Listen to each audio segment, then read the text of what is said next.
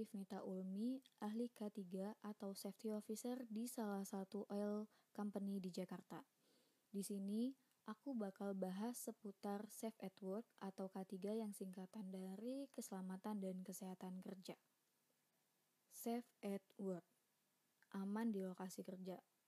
Yang kita harapin tentu pergi ke lokasi kerja dan pulang kembali ke rumah selalu dalam keadaan sehat dan selamat. Caranya gimana? Kita harus tahu dulu potensi-potensi bahaya apa yang timbul saat kita bekerja. Contoh, bagi teman-teman yang kerja di office, menggunakan komputer, di sana ada potensi bahaya radiasi yang punya dampak pada tubuh, misalnya gangguan penglihatan, yaitu rabun jauh, dan juga gangguan di penglihatan kita mata memerah. Cara penanganannya yaitu jaga jarak dengan sumber radiasi. Idealnya, jarak mata dengan monitor yang aman itu 50 sampai 100 cm. Selanjutnya, atur pencahayaan layar monitor sesuai dengan posisi yang aman. Lalu, kurangi durasi terhadap paparan radiasi. Nah, aku saranin buat teman-teman manfaatin break dengan stretching minimal selama 5 menit. Next, teman-teman juga bisa menggunakan pelindung seperti pelindung layar monitor dan menggunakan kacamata anti radiasi. Dari contoh ini dapat diartikan kalau K3 itu adalah upaya untuk ngejamin dan ngelindungin kita sebagai pekerja supaya tetap sehat dan selamat serta terhindar dari namanya penyakit akibat kerja dan kecelakaan kerja. Yang tujuan K3-nya adalah zero accident.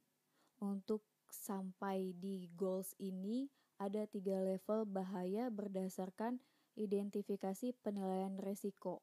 Yang pertama itu ada kategori level tinggi.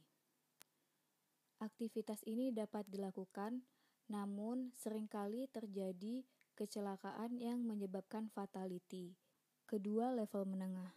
Aktivitas ini juga dapat dilakukan, namun kemungkinan kecelakaan beberapa kali terjadi terdapat record terkait dengan kasus kecelakaan level menengah ini yang menghilangkan jumlah jam kerja, membutuhkan perawatan medis, dan membutuhkan P3K. Ketiga, level rendah. Aktivitas ini dapat dilakukan karena kemungkinan kecelakaannya itu kecil atau jarang terjadi, yang mungkin hanya membutuhkan perawatan P3K. Untuk level tinggi dan menengah, aku coba kasih contoh pekerjaan yang terkait dengan resiko bahaya ini. Contohnya itu pekerjaan yang berkaitan dengan tegangan arus listrik, instalasi listrik, instalasi AC, plumbing. Nah, pekerja-pekerja ini biasanya maintenance atau electrician. Selanjutnya, pekerjaan yang menggunakan alat bantu, angkat dan angkut. Contohnya membutuhkan bantuan dengan crane, forklift, hand pallet. Terus juga pekerjaan yang berada pada ketinggian lebih dari 1,8 meter. Biasanya menggunakan alat bantu scaffolding dan pelindung full body harness. Dari contoh-contoh yang aku jelasin tadi, tentu kita juga mau tahu dong bentuk-bentuk perlindungan apa yang kita dapetin dari aktivitas yang sudah kita lakukan. Yang pertama itu ada namanya perlindungan sosial. Ini khusus untuk jaminan kesehatannya teman-teman. Seperti yang kalian tahu, kalau dari pemerintah itu ada namanya layanan fasilitas kesehatan BPJS, Badan Penyelenggara Jaminan Sosial Kesehatan atau dari perusahaan teman-teman ada yang menggunakan asuransi-asuransi untuk perawatan kesehatannya teman-teman. Nah, besaran potongan dari BPJS ini sebanyak 5%. 4% dari perusahaan dan 1% itu merupakan tanggungan si pekerja. Kedua namanya perlindungan teknis. Jenis perlindungan ini ditujukan kepada instansi atau perusahaan untuk memberikan informasi atau pengetahuan terkait dengan pengenalan-pengenalan saat awal bekerja. Contohnya struktur organisasi, job desk pekerjaan, bahaya pekerjaan, kebijakan manajemen, hak dan kewajiban sebagai pekerja. Lalu juga ada pelaksanaan pelatihan untuk peningkatan kompetensi.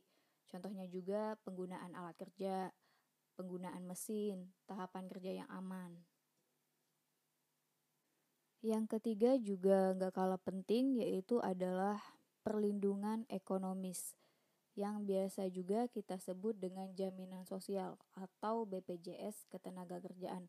Ini adalah upaya untuk melindungi kita jika terjadi sesuatu hal yang tidak diinginkan. Jadi BPJS Ketenagakerjaan itu dia punya program jaminan ada empat. Satu, jaminan kecelakaan kerja. Dua, jaminan kematian. Tiga, jaminan hari tua. Dan empat, jaminan pemeliharaan kesehatan. Oke, sekian dulu sharing seputar safe at work-nya. Next, aku bakal bahas lebih spesifik lagi tentang K3. Nah, buat teman-teman tetap dengerin podcastku. Stay safe and keep healthy. Assalamualaikum.